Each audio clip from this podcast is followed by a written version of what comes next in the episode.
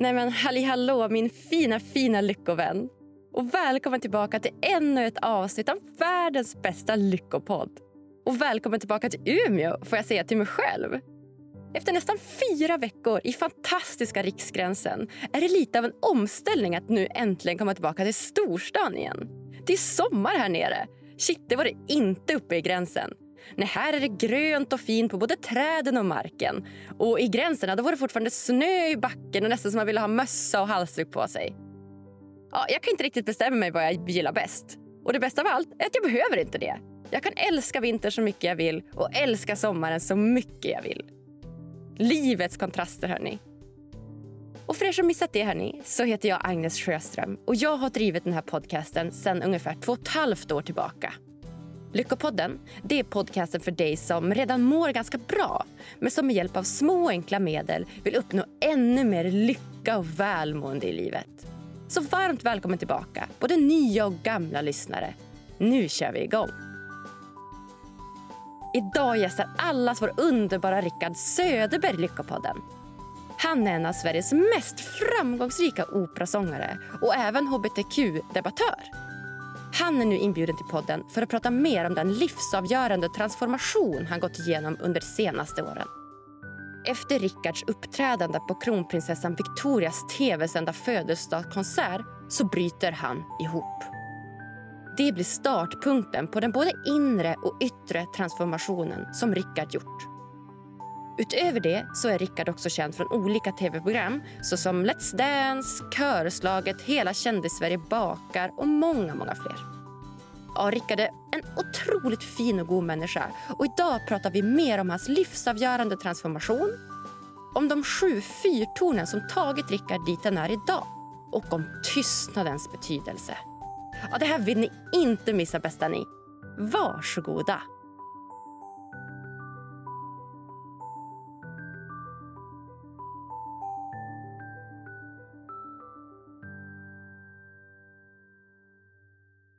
Hjärtligt, hjärtligt varmt välkommen till Lyckopodden goa fina Rickard Söderberg!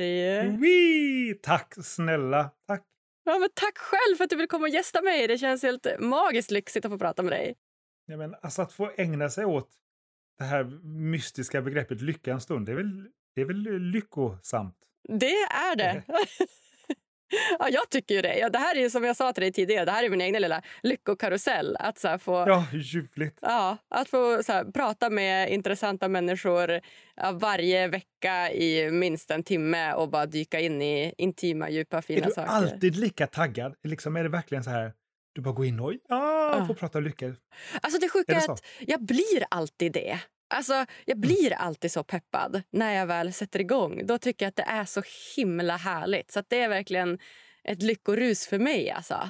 Ja. ja. och sen så jag antar att du går omkring innan och funderar på vad man ska prata om och mediterar över det och tänker. Och, är det så? Ja, jag försöker ändå att så här, ja, men fundera ut lite så här, men vilka frågor hade jag velat ställa och brukar bolla med människor. Vad hade du velat fråga Rickard om ah, du hade intervjuat han? Du vet, så att jag ja. får lite input. Men sen gillar jag att ta samtalen väldigt mycket på volley. Så att eh, jag landar ju nästan aldrig där jag har tänkt ändå.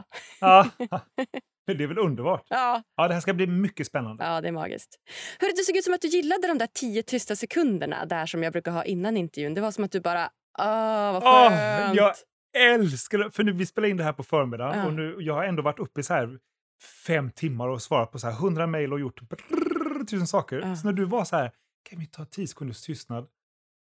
Så var jag redan där. I tystnaden. Det var underbart. Ja.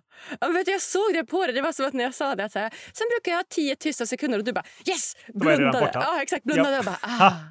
du vet, landade i någon slags... Här, Men vet du, man behöver bli påminn om det där. Även om jag och så många av oss som går omkring och vet om att man ska ta de där mikropauserna och de där andningarna så glömmer man bort det. Så tack för att du påminner mig. Det var en jättebra start. Ja, men tack själv. Ja. Brukar du ha många såna tysta stunder? Eller försöker du ha många såna tysta stunder? Jag försöker, mm. men jag... Eh, det, när jag kommer upp i varv och sitter och bara trrr, så glömmer jag bort. Helt enkelt. Fastän jag vet att jag borde och fastän jag vet att jag vill och njuter av det. Mm. Men jag försöker komma ihåg. Vad betyder tystnaden för dig? Den betyder ju det är ju allt.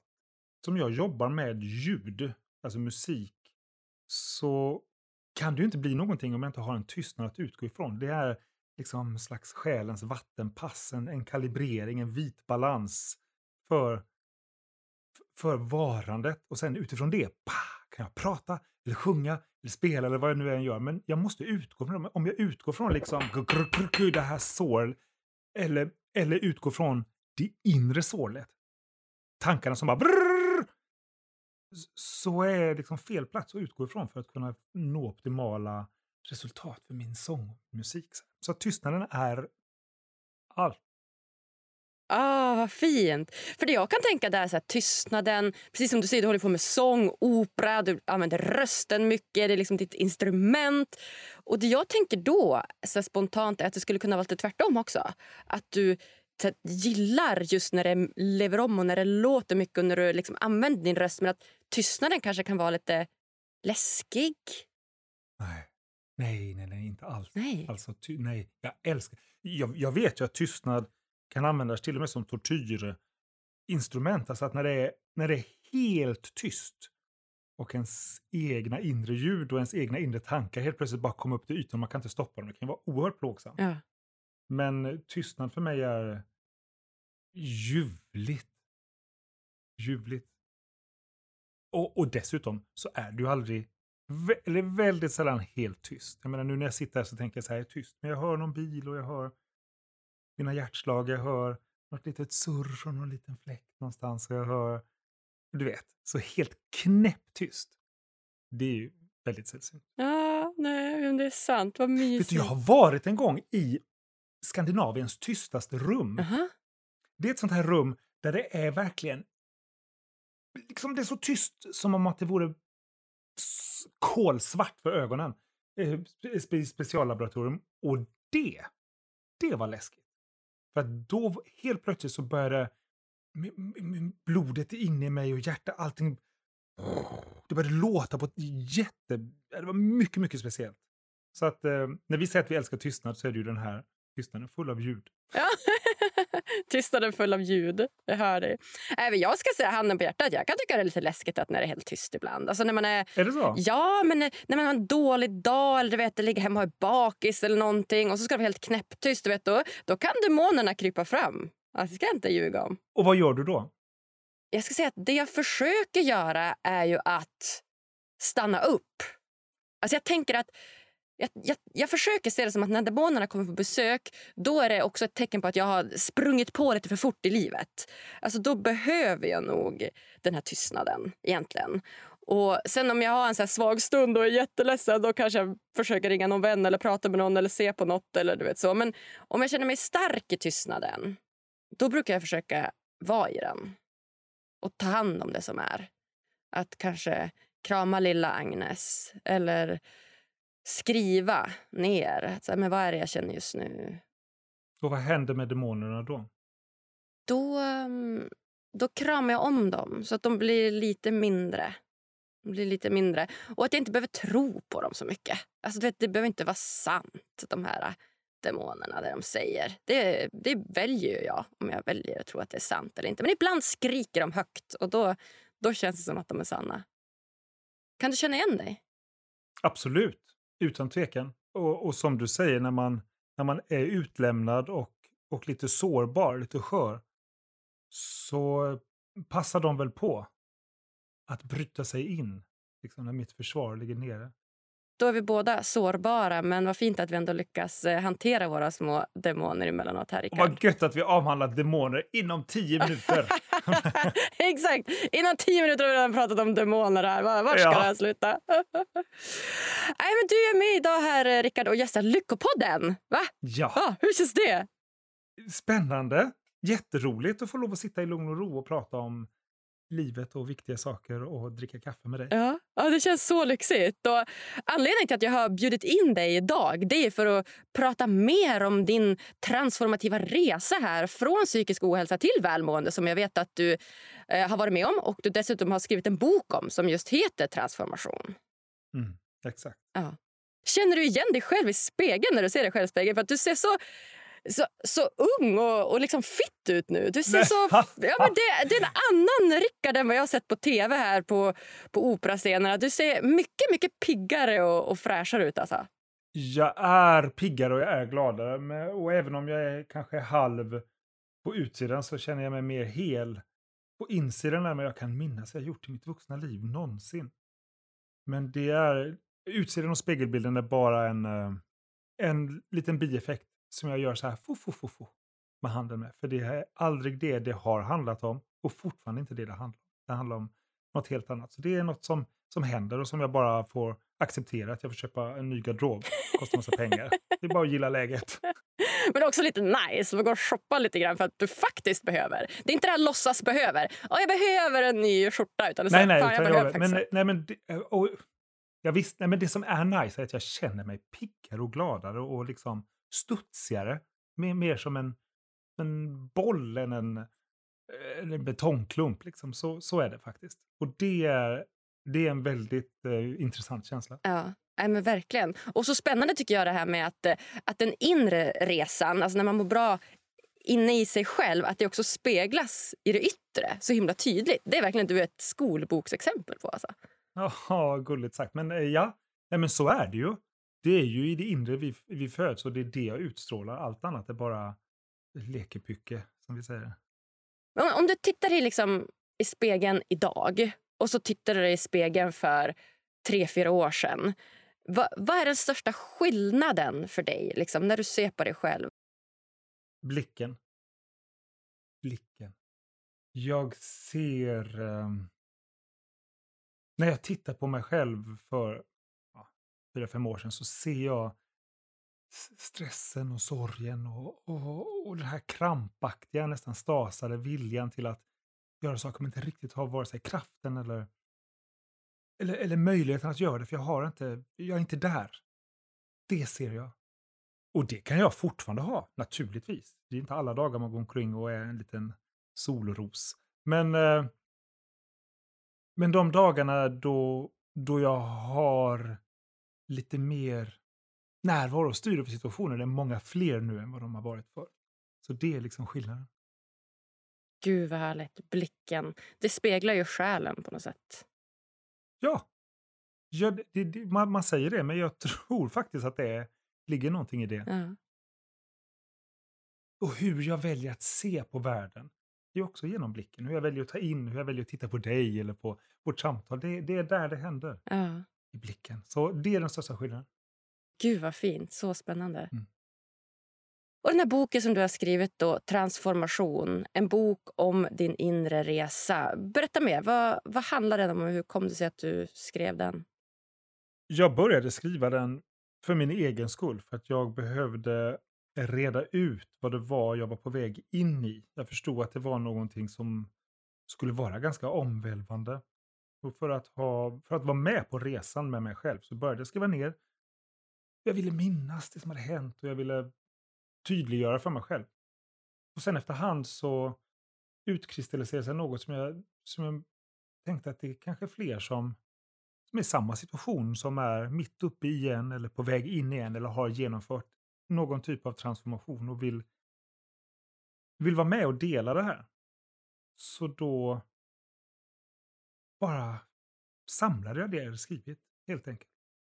Det var inte konstigare än så. Det har aldrig varit, nu ska jag sätta mig ner och skriva en, en bok, utan det har varit, det har varit en, att följa min egen process, tydliggöra den. Spännande. För först när du skrev transformation då trodde jag var en liksom, någon så här könskorrigering eller någon så här yttre, du vet, en så här stor du vet, yttre Ja. transformation. Ja, det är ju, att, att korrigera könet är ju också en inre transformation. Även I och för sig. så- ja. Jävligt men, eh, men inne. det var inte det det handlade om den här gången. Nej. Nej, nej, nej okej, just det. Utan det är mer den här ja, men inre psykiska mående-resan då, som du pratar om. Exakt, Ja, exakt. Alltså att gå från, jag jag älskar bilden av, eh, av larven och puppan och fjärilen. För det är det som, det som larven ser som världens ände, alltså puppan, det ser ju mästaren, eller den som står utanför, som en fjäril. Alltså den vet att det kommer någonting annat. Så att vi måste kanske ibland gå in och låta det gamla raseras. Och, och få dö bort och försvinna så att något nytt kan komma fram. Även om det är obeskrivligt läskigt precis när det sker. Mm. Ja, hundra procent. Shit. Ja, Ja. Gud, vad spännande. Ja, för du har ju den här kända händelsen då som ploppar upp eh, i många intervjuer och många ja, men, eh, olika händelser runt dig. Den här eh, ja, men, händelsen eh, efter ditt uppträdande där på kronprinsessan Victorias tv-kända födelsedagskonsert där när du Ja, liksom precis. Ja, när du beskriver hur du ser dig själv utifrån och du, svetten rinner när du står på scenen och att det var en väldigt, eh, ja, men som ett startskott för den här transformationen. då. Ja, det var det. För att det blev så, så, så oerhört tydligt när man står i en sån situation med tusentals människor framför en, kungafamiljen glitter, tv, en miljon framför tv-apparaterna och jag i massa glitter och allting är så här, woho! Och samtidigt är helt tom i det, så blir kontrasten så otroligt stor.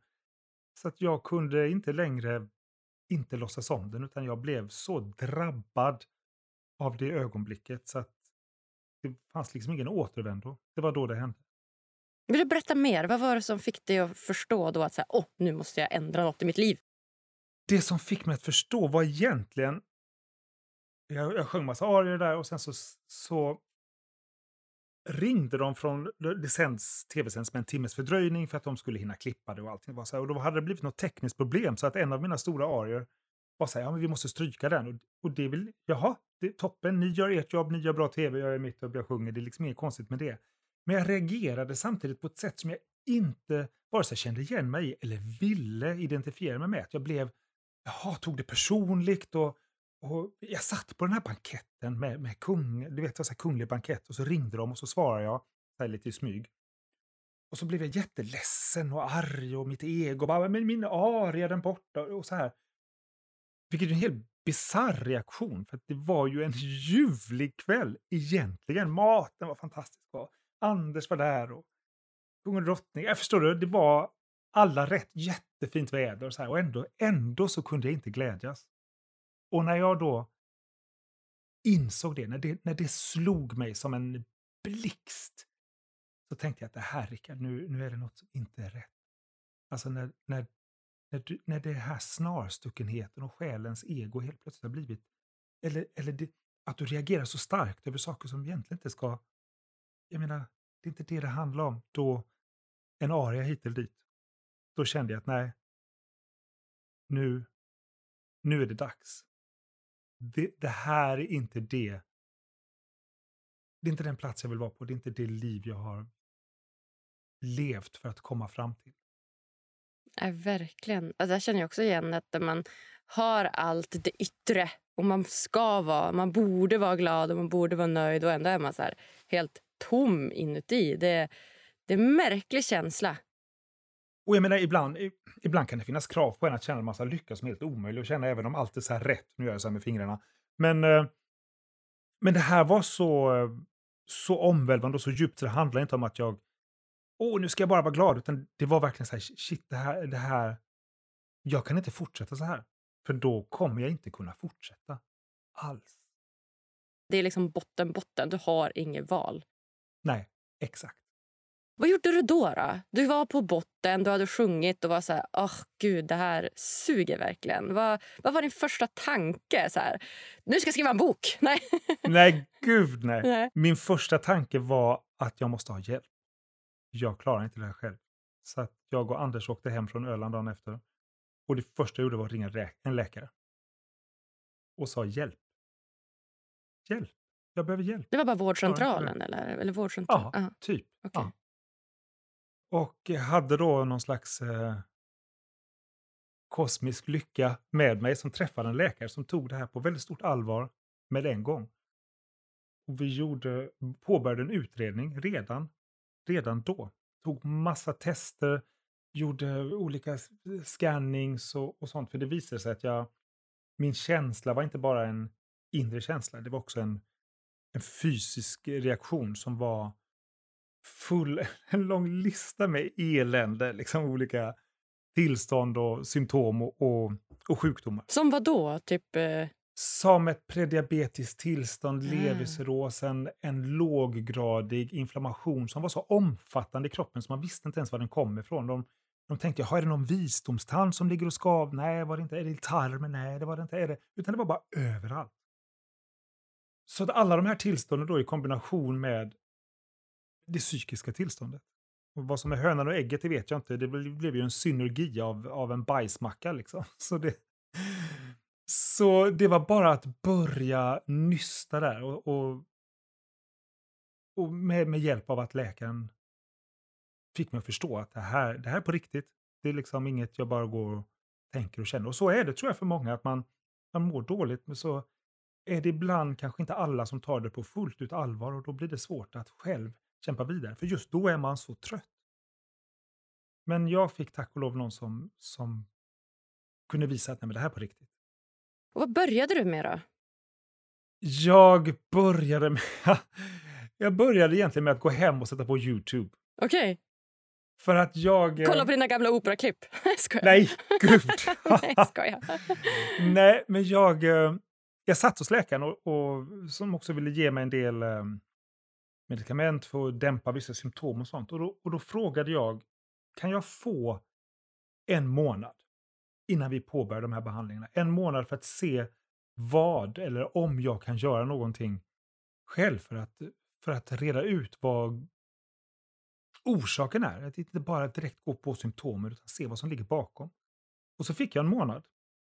Och då gick jag hem och eh, satte på Youtube, det är lite skämtsamt, men jag började läsa på om, om situationen, om hur det är att vara människa.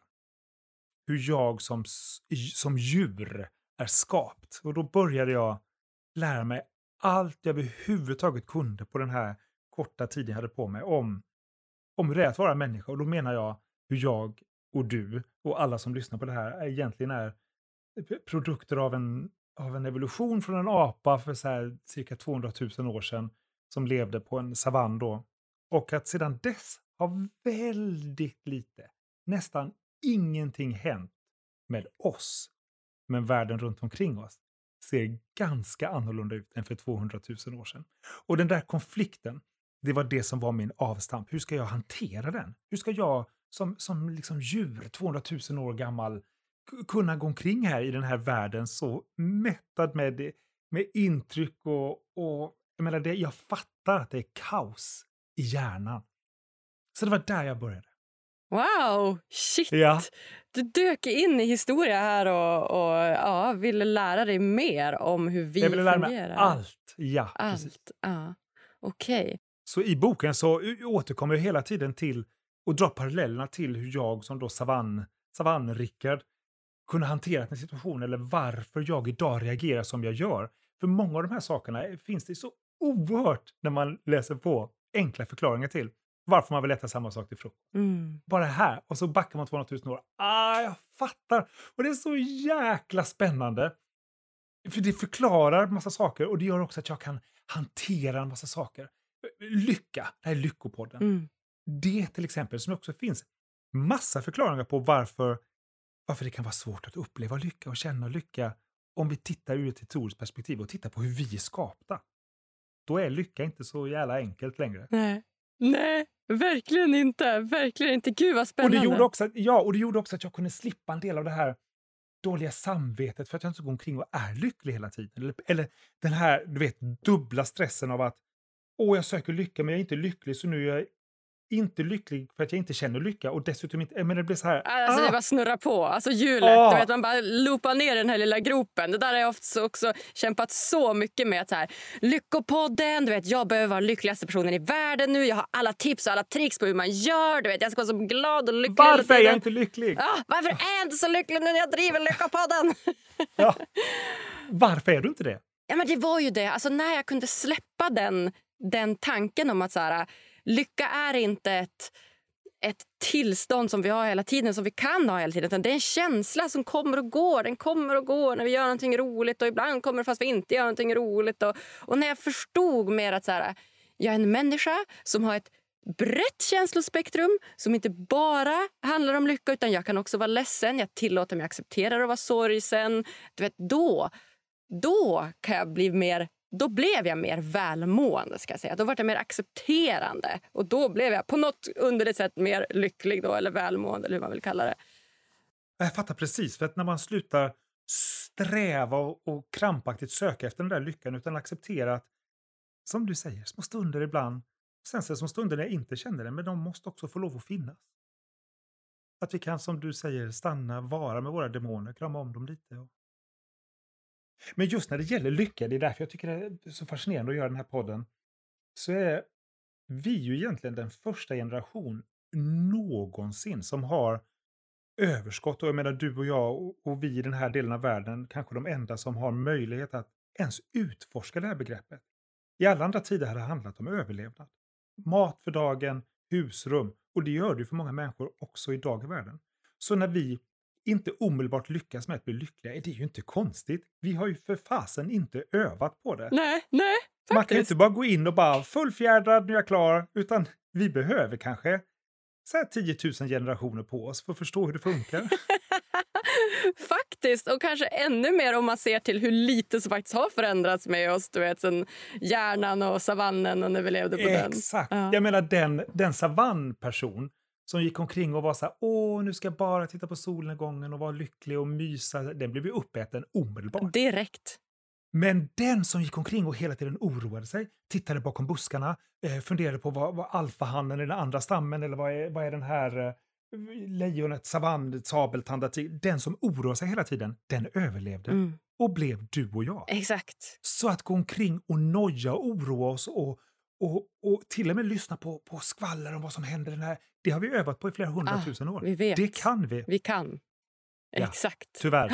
Tyvärr. Och se då vart det har lett oss. Ja, men visst, vi har överlevt, vi har överlevt och vi har liksom verkligen haft den möjligheten och privilegiet egentligen. Men, men se då att leva med de egenskaperna i dagens samhälle. Alltså det, alltså, det är inte bra förutsättningar för lycka. Nej, nej, alltså det här fly och fäkta som, som är att man hela tiden är på sin vakt. Det kanske kom en gång var tredje dag när det kom någon jävla mammut och sprang efter oss. Men idag är det så här 25 i minuten. Eller hur? Alltså varenda gång det plingar i olika mobiler och någon bil och någon... Ah! Ja, men alltså, verkligen. Så jag menar, vi behöver ligga ner utanför vår grotta, titta på stjärnorna och bara vara i tystnad och landa lite emellanåt. Tillbaka till tystnaden. Den är inte så dum alltså. Nej. Nej. Ja, vad fint, Rickard. Så himla spännande. Att det känns verkligen som att du har mycket insikter. Det vet jag inte, men jag har, har läst på och tycker det är fascinerande. Den här, om vi pratar om fly och fäkta, den här kemiska processen som händer i kroppen, för det är ju kemi. Det är hormoner som utsöndras när vi blir stressade och, och det här går igång. Det, det tar ungefär eh, två timmar för dem efter att man har varit uppe i spinn att lägga sig. Två timmar när vi måste göra ingenting. Alltså rent kemiskt i kroppen. Shit. Ja, och om vi då aldrig ger oss de två timmarna utan inom två timmar så hade det kommit ett nytt stressmoment, en ny deadline, en, en, ny, ett nytt jobbigt brev, en, ett nytt kontoutdrag eller vad det nu är. Så, så får vi, kommer vi aldrig ner utan vi är hela tiden i den här cocktailen av massa stresshormoner i kroppen som bara vrrr, rullar på. Och det är därför tystnaden, tillbaka, backa, små stunder, andas, för mig har varit fullständigt oumbärlig. Shit. Var det det som var din första insikt då efter att du hade läst på om, om människan, hur vi funkar, om savannen om eh, 40 000 år sedan? Var det det som var så här första grejen? Så här, shit, jag måste börja vara tyst. Ja, Ja. så enkelt var det. Det var så? Jag måste hålla truten, också på insidan. Jag började, jag började skapa det, olika strategier eh, för att hantera för att hantera den här situationen som jag då befann mig i. Och jag som är också så här historieintresserad har alltid älskat bilden av muserna i antiken. Alltså de, de, de inspiratörerna, gudarna och gudinnorna som kunde locka oss till olika saker. Och, och de hade som sin symbol många gånger fyrtornet. Fyrtornet som stod mitt på ett hav. Och när havet stormade då kunde båten ta sikte mot ljuset i fyrtornet och sen segla dit och på så sätt ta sig över eh, lömska rev eller kunna eh, her härbärgera de stora vågorna eller navigera genom stormarna. Så jag behövde helt enkelt fyrtorn. Ord, enkla kredon, enkla tydliga bilder som när mitt inre känslohav stormade jag kunde sätta blicken mot och sen bara styra dit.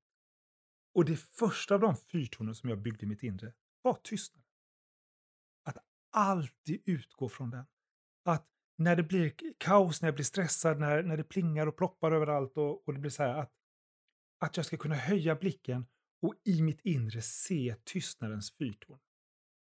Och bara ta tre djupa andetag mot det. Och ju oftare jag gör det, desto tydligare blir den här bilden för mig. Så nu kan jag bara sluta ögonen och jag ser det exakt.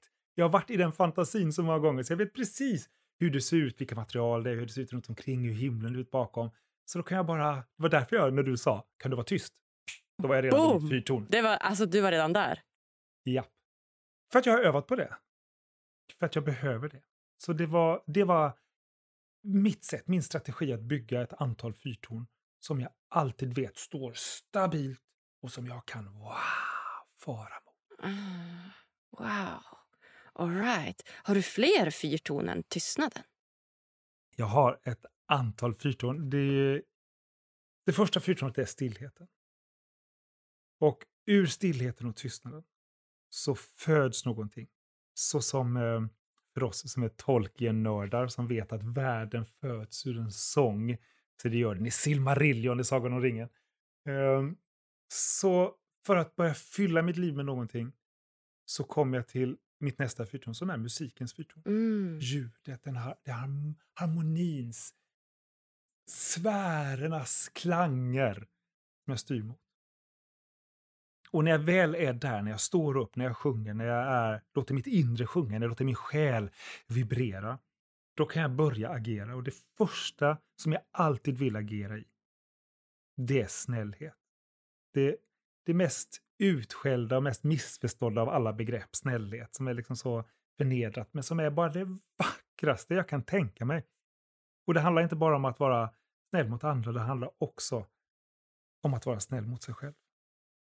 Och i den snällheten så finns det också möjlighet för mig att styra mot det som är mitt fjärde fyrtorn, som är det fyrtornet där jag behöver tillge och förlåta.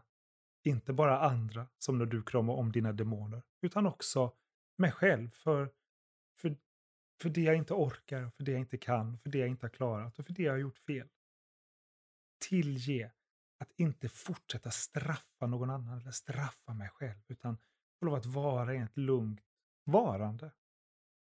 Och när jag väl är där, då är jag nästan redan framme vid mitt femte fyrtorn, som är närvaro. Närvaro. Ett, ett fullständigt icke-dömande, behagligt, aktivt, energiskt ställe där jag kan uppleva och, och börja agera ut i världen för att jag är i världen. Jag är inte utanför den, jag är inte i min stress, jag är inte borta eller på väg, eller jag är inte i framtiden, eller jag är inte i det förflutna. Jag är här, med dig, just nu, ingen annanstans. Och när jag väl är här med dig och med mig själv och med andra så kan jag komma till mitt sjätte fyrtorn. Det är nämligen att generositeten. Då kan jag ge av mig själv, jag kan få av dig, så som du, som vi ger här mellan varandra nu. Och att vara generös mot mig själv och generös av det som finns i ett överflöd i vår värld. Mänsklighet, medmänsklighet, lust, för all del lycka. Och när jag då är där, då kan jag slutligen ta mig till det som är mitt sjunde och sista credo, mitt största och mest magnifika och också det mest komplicerade och allomfattande fyrtornet av alla, nämligen tacksamhet. Tacksamheten för att vi kan vara här. Tacksamheten för att jag har fått lov att färdas på hav genom sju olika torn som fört mig framåt. Och, och då, när jag har de här ljusen, de här sju ljusen med mig, då är, då är havet öppet och då kan jag bara segla ut. Då är livet redo, då är dörrarna öppna. Då, först då, så kan fjärilen som gjort sin transformation lyfta vingarna wow, och ge mig ut. Wow! Va? Vilka fyrtorn! Alltså, va? Så himla bra! Och jag gillade ordningen på något sätt. Alltså att du ändå har Jag är en den... mycket ordningsam och person, gillar struktur.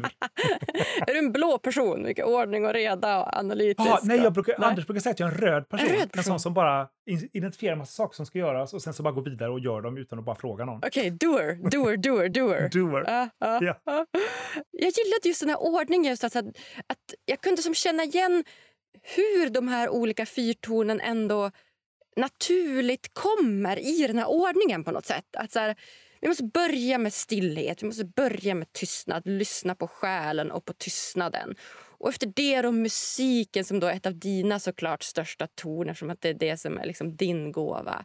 Och sen ur det att det kommer snällhet, att vara snäll mot mig själv och andra. Och självklart kommer efter det så kommer då att tillge och förlåta.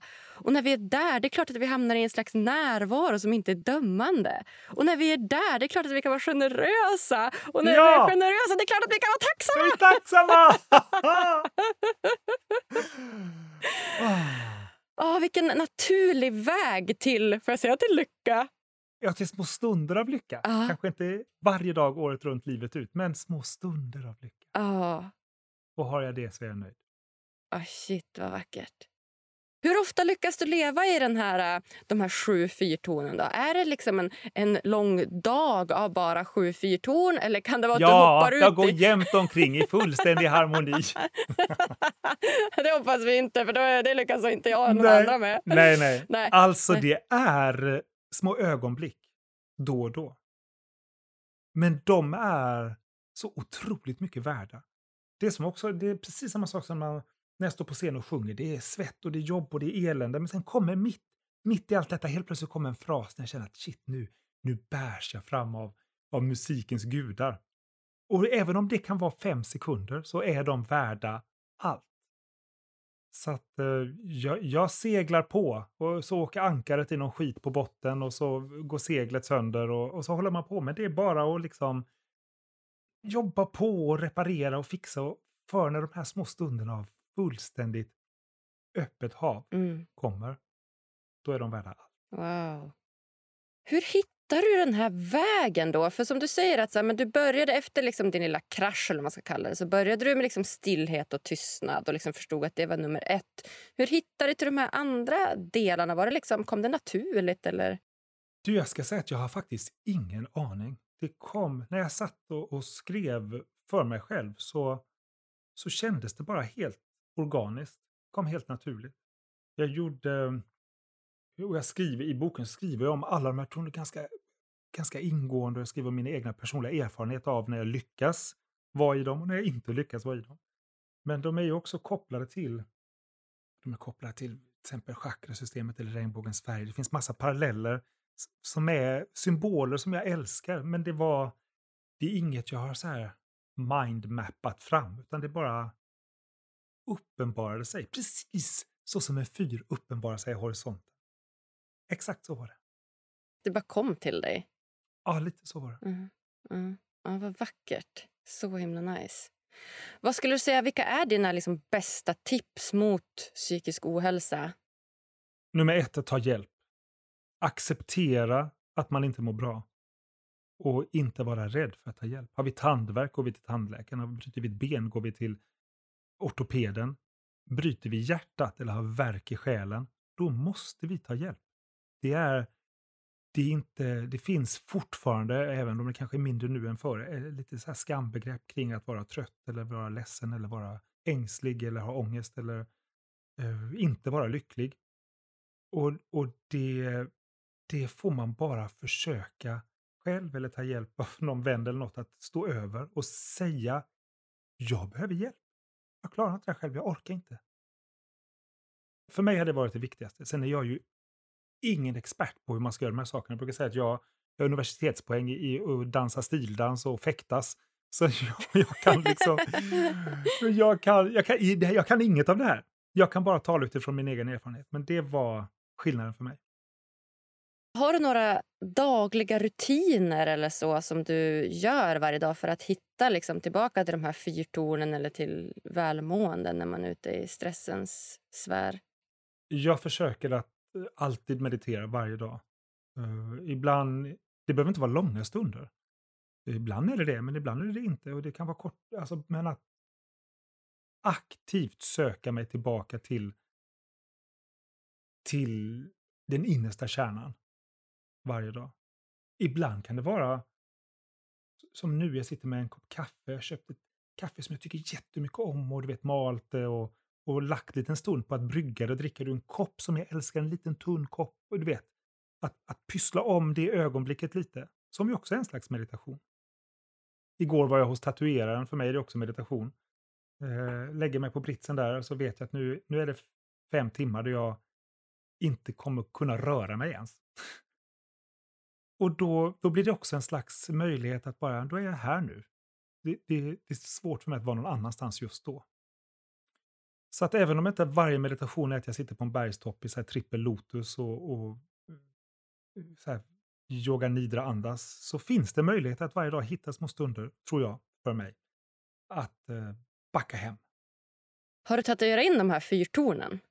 Jajamän! Är det sant? Jag vill nu se! Visar upp dem, för vi, nu visar jag upp dem här på armen. Du, du, ja. du kan se den här. Är de. Ja. Så, så där är det när jag tittar på min vänsterarm så blir jag alltid påminn om dem. Ah, vad nice. Vad fina de var. Det var olika färger ju. Ja, massa färger. Ja. Hade du något tecken för varje Yes. del? Det Eller? finns olika tecken för, för dem. Okej, just det. Ja, här är massa tecken. Här är så här, Zeldas Triforce, den är lika fin den. Ja, Alltså, alltså. vad härligt. Vad fint att du kör massa färger. Jag har inte en enda tatuering. Jag vill, jag vill ha. Är det så? Jag vill ha en tatuering. Gör det bara. Gör det bara. När du gjort din första kommer du aldrig kunna sluta. Jag har faktiskt ett jättefint motiv som jag tänkt att jag ska göra nu också. Det var, jag har två tvillingbrorsor som är yngre än mig. Mm. De är, de är så härliga, för de är, de är tvillingar men de är totalt olika. De har blivit varandras motsatser. Wow. Ja, de är så härliga och ändå är de ju bästa vänner. Men jag, det slår mig ofta att, så här att undrar om de här ens hade känt varandra om det inte var så att de var brorsor. Alltså jag tror verkligen att det är på den nivån. Att de är, de är så, så olika men ändå så bara hör de ihop på ett så vackert sätt. Ja, det är fint. Ja. Så vad ska du göra då? Ja, men hur som helst. Ena brorsan då, han har ju inga tatueringar. Han tycker nej, så aldrig, aldrig, aldrig tatuera min kropp. Och andra brorsan han tycker det är svinroligt med olika tatueringar. Ja. Och när jag var liten så jag har alltid haft en väldigt god relation med min pappa. Han har alltid varit pappas, jag har alltid varit pappas flicka. Då. Och eh, han, han var ju liksom som en stor hjälte för mig såklart när jag växte upp. Och han, ehm, eh, han, han klarade allting. Jag sa alltid att min pappa han klarar allting. Men så var det en gång som jag frågade honom om en tjänst som han inte kunde hjälpa mig med. Han kunde inte fixa det. Och det var att laga en ballong. Han kunde inte laga en ballong. Wow. Så då sa jag det så här, min pappa han kan allt utom att laga ballonger. Så jag skulle vilja ha en, en ballong som är lagad med en liten, du vet, en liten lapp på som flyger runt någonstans. Va? Hur fint är inte det? Jäklar vad fint! Du, alltså, gör det bara. Ja. Boka en tidig eftermiddag. Ja, men jag kanske ska göra det. Och jag har till och med en kompis som är tatuerare som gärna ville göra det på mig. Så jag kanske bara ska Så smsa fort honom vi idag. är klara så ringer du den på kompisen och sen smsar du mig och säger att nu är det gjort. Jag lovar, vi skakar hand. Vi Yes! skakar Yay! hand. Yay. Woo, woo, woo. Tatuering, ah, vad nice. Vad glad och peppad jag blev. Ja. Åh, vad fint Rickard, vad kul. Då, då har vi bestämt det. Lite tatueringssida också. ha, vi var inne på lite dagliga rutiner. alltså. Meditation säger du, det gör du. Är det något annat där som du kan dela med dig av till lyssnarna? Som bara, men det här gör jag också. Eh, jag har nu de senaste åren efter att den här, jag gått igenom den här processen försökt att hitta lite mer eh, stunder när jag inte jobbar. Jag, såna här rent klassiska, att jag inte svarar på mejl var tredje sekund, utan jag har eh, kanske fyra, fem tillfällen under dagen. Det är då jag svarar på mejl och då gör jag det och sen så lägger jag undan mejlen en stund. Till exempel, eller eh, när det gäller telefon, att jag inte alltid sitter med den framför ögonen och väntar på den, utan det finns ögonblick när jag säger nu lägger jag undan den, nu sätter jag den på flight mode, nu ska jag bara ta en fika med en, en vän och då, då gör vi bara det, jag har den inte ens på bordet. Utan, eh, och det finns massa också fascinerande undersökningar kring, kring just de här sakerna. Jag skriver det ganska mycket i boken om hur vi påverkas omedvetet och undermedvetet av alla de här eh, stressmomenten som ligger och bluppar runt omkring oss. Så att jag försöker vid små tillfällen eliminera dem lite. Mm. Ja, det tror jag. Också mycket, mycket mot tystnaden. Du går mycket mot, mot tystnaden där. Då. Ja, för att det är där jag behöver vara. Eftersom det är sån, så högljutt i världen annars, så behöver jag komma dit. Oh, wow. Vart bor du någonstans, Rickard? Är det Stockholm eller? Nej, Malmö. Jag bor i Malmö. Malmö! Det är långt från Umeå där du sitter. Och jag sitter i Umeå. Jag tänker att vi kan sitta på olika platser och ändå prata med varandra. Ja. Ja. ja vad härligt. Vad skulle du säga, vad, vad är liksom ditt bästa lyckotips? Liksom, nu har jag varit inne på några stycken. Är det liksom meditation? Eller om du liksom har, säg att vi har två minuter över en dag. Liksom, vad, vad skulle du rekommendera lyssnarna att göra då? Och det är två olika frågor. Mitt bästa lyckotips det är att inte söka lyckan. Om jag får två minuter över en dag, då skulle jag göra ingenting. Ingenting. Och vad gör man då, när man inte gör någonting? Jag brukar dricka kaffe. Ja. alltså bara sitta. Bara sitta. Känna. Sitta still. Stirra rakt ut i luften. Dricka en kopp kaffe. Vad gör dig riktigt, riktigt lycklig? Ah. Situationer som jag älskar att vara i när jag känner så här, oh, nu, nu mår jag otroligt.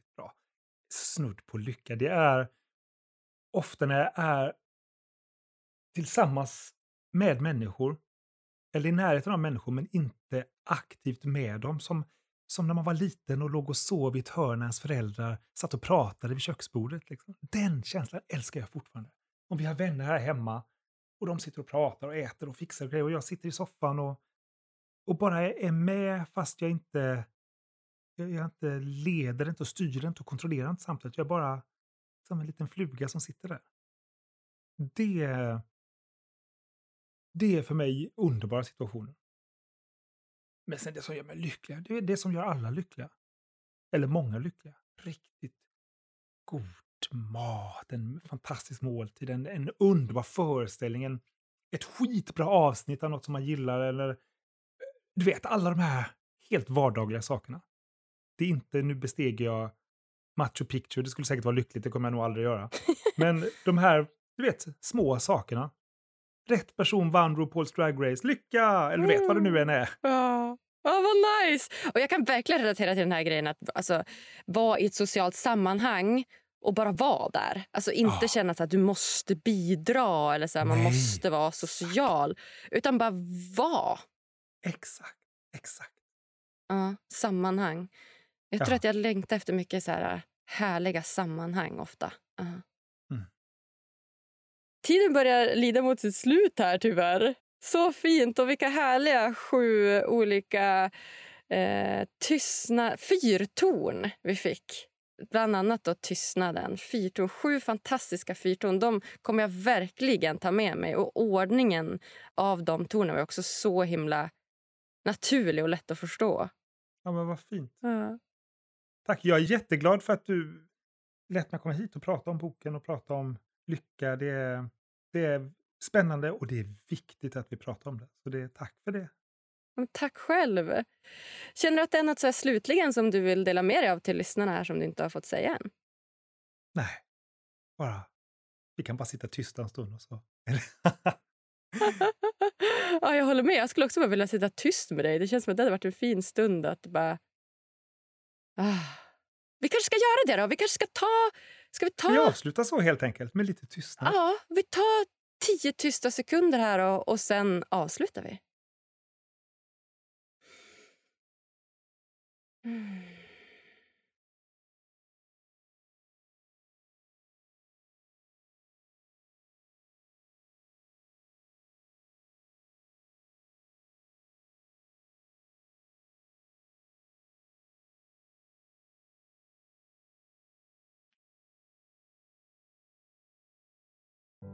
Ja, jag säger bara tack, tack, tack snälla Rickard för att du kommer gästa mig här på Lyckopodden! Tack! Tack snälla du.